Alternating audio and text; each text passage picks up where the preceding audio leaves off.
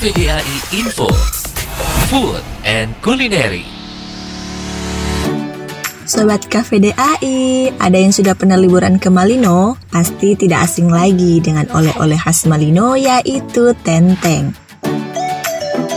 Tahukah Anda, tenteng Malino adalah makanan khas asli dari kota Malino, Sulawesi Selatan. Yang mana makanan ini sangatlah sederhana. Bahan dasar dari makanan ini adalah gula merah dan kacang tanah. Aslinya, bentuk kemasan makanan ini berbentuk seperti permen dengan pembungkus dari kulit jagung. Tapi seiring perkembangan, kemasannya diganti menjadi plastik. Pembuatan makanan ini dimulai dari mencairkan gula merah pada wajan atau panci sampai mengental, lalu dicampurkannya kacang tanah ke dalam lumeran gula merah. Diaduk hingga mulai mendingin dan dicetak sesuai ukuran dan dikemas dengan plastik.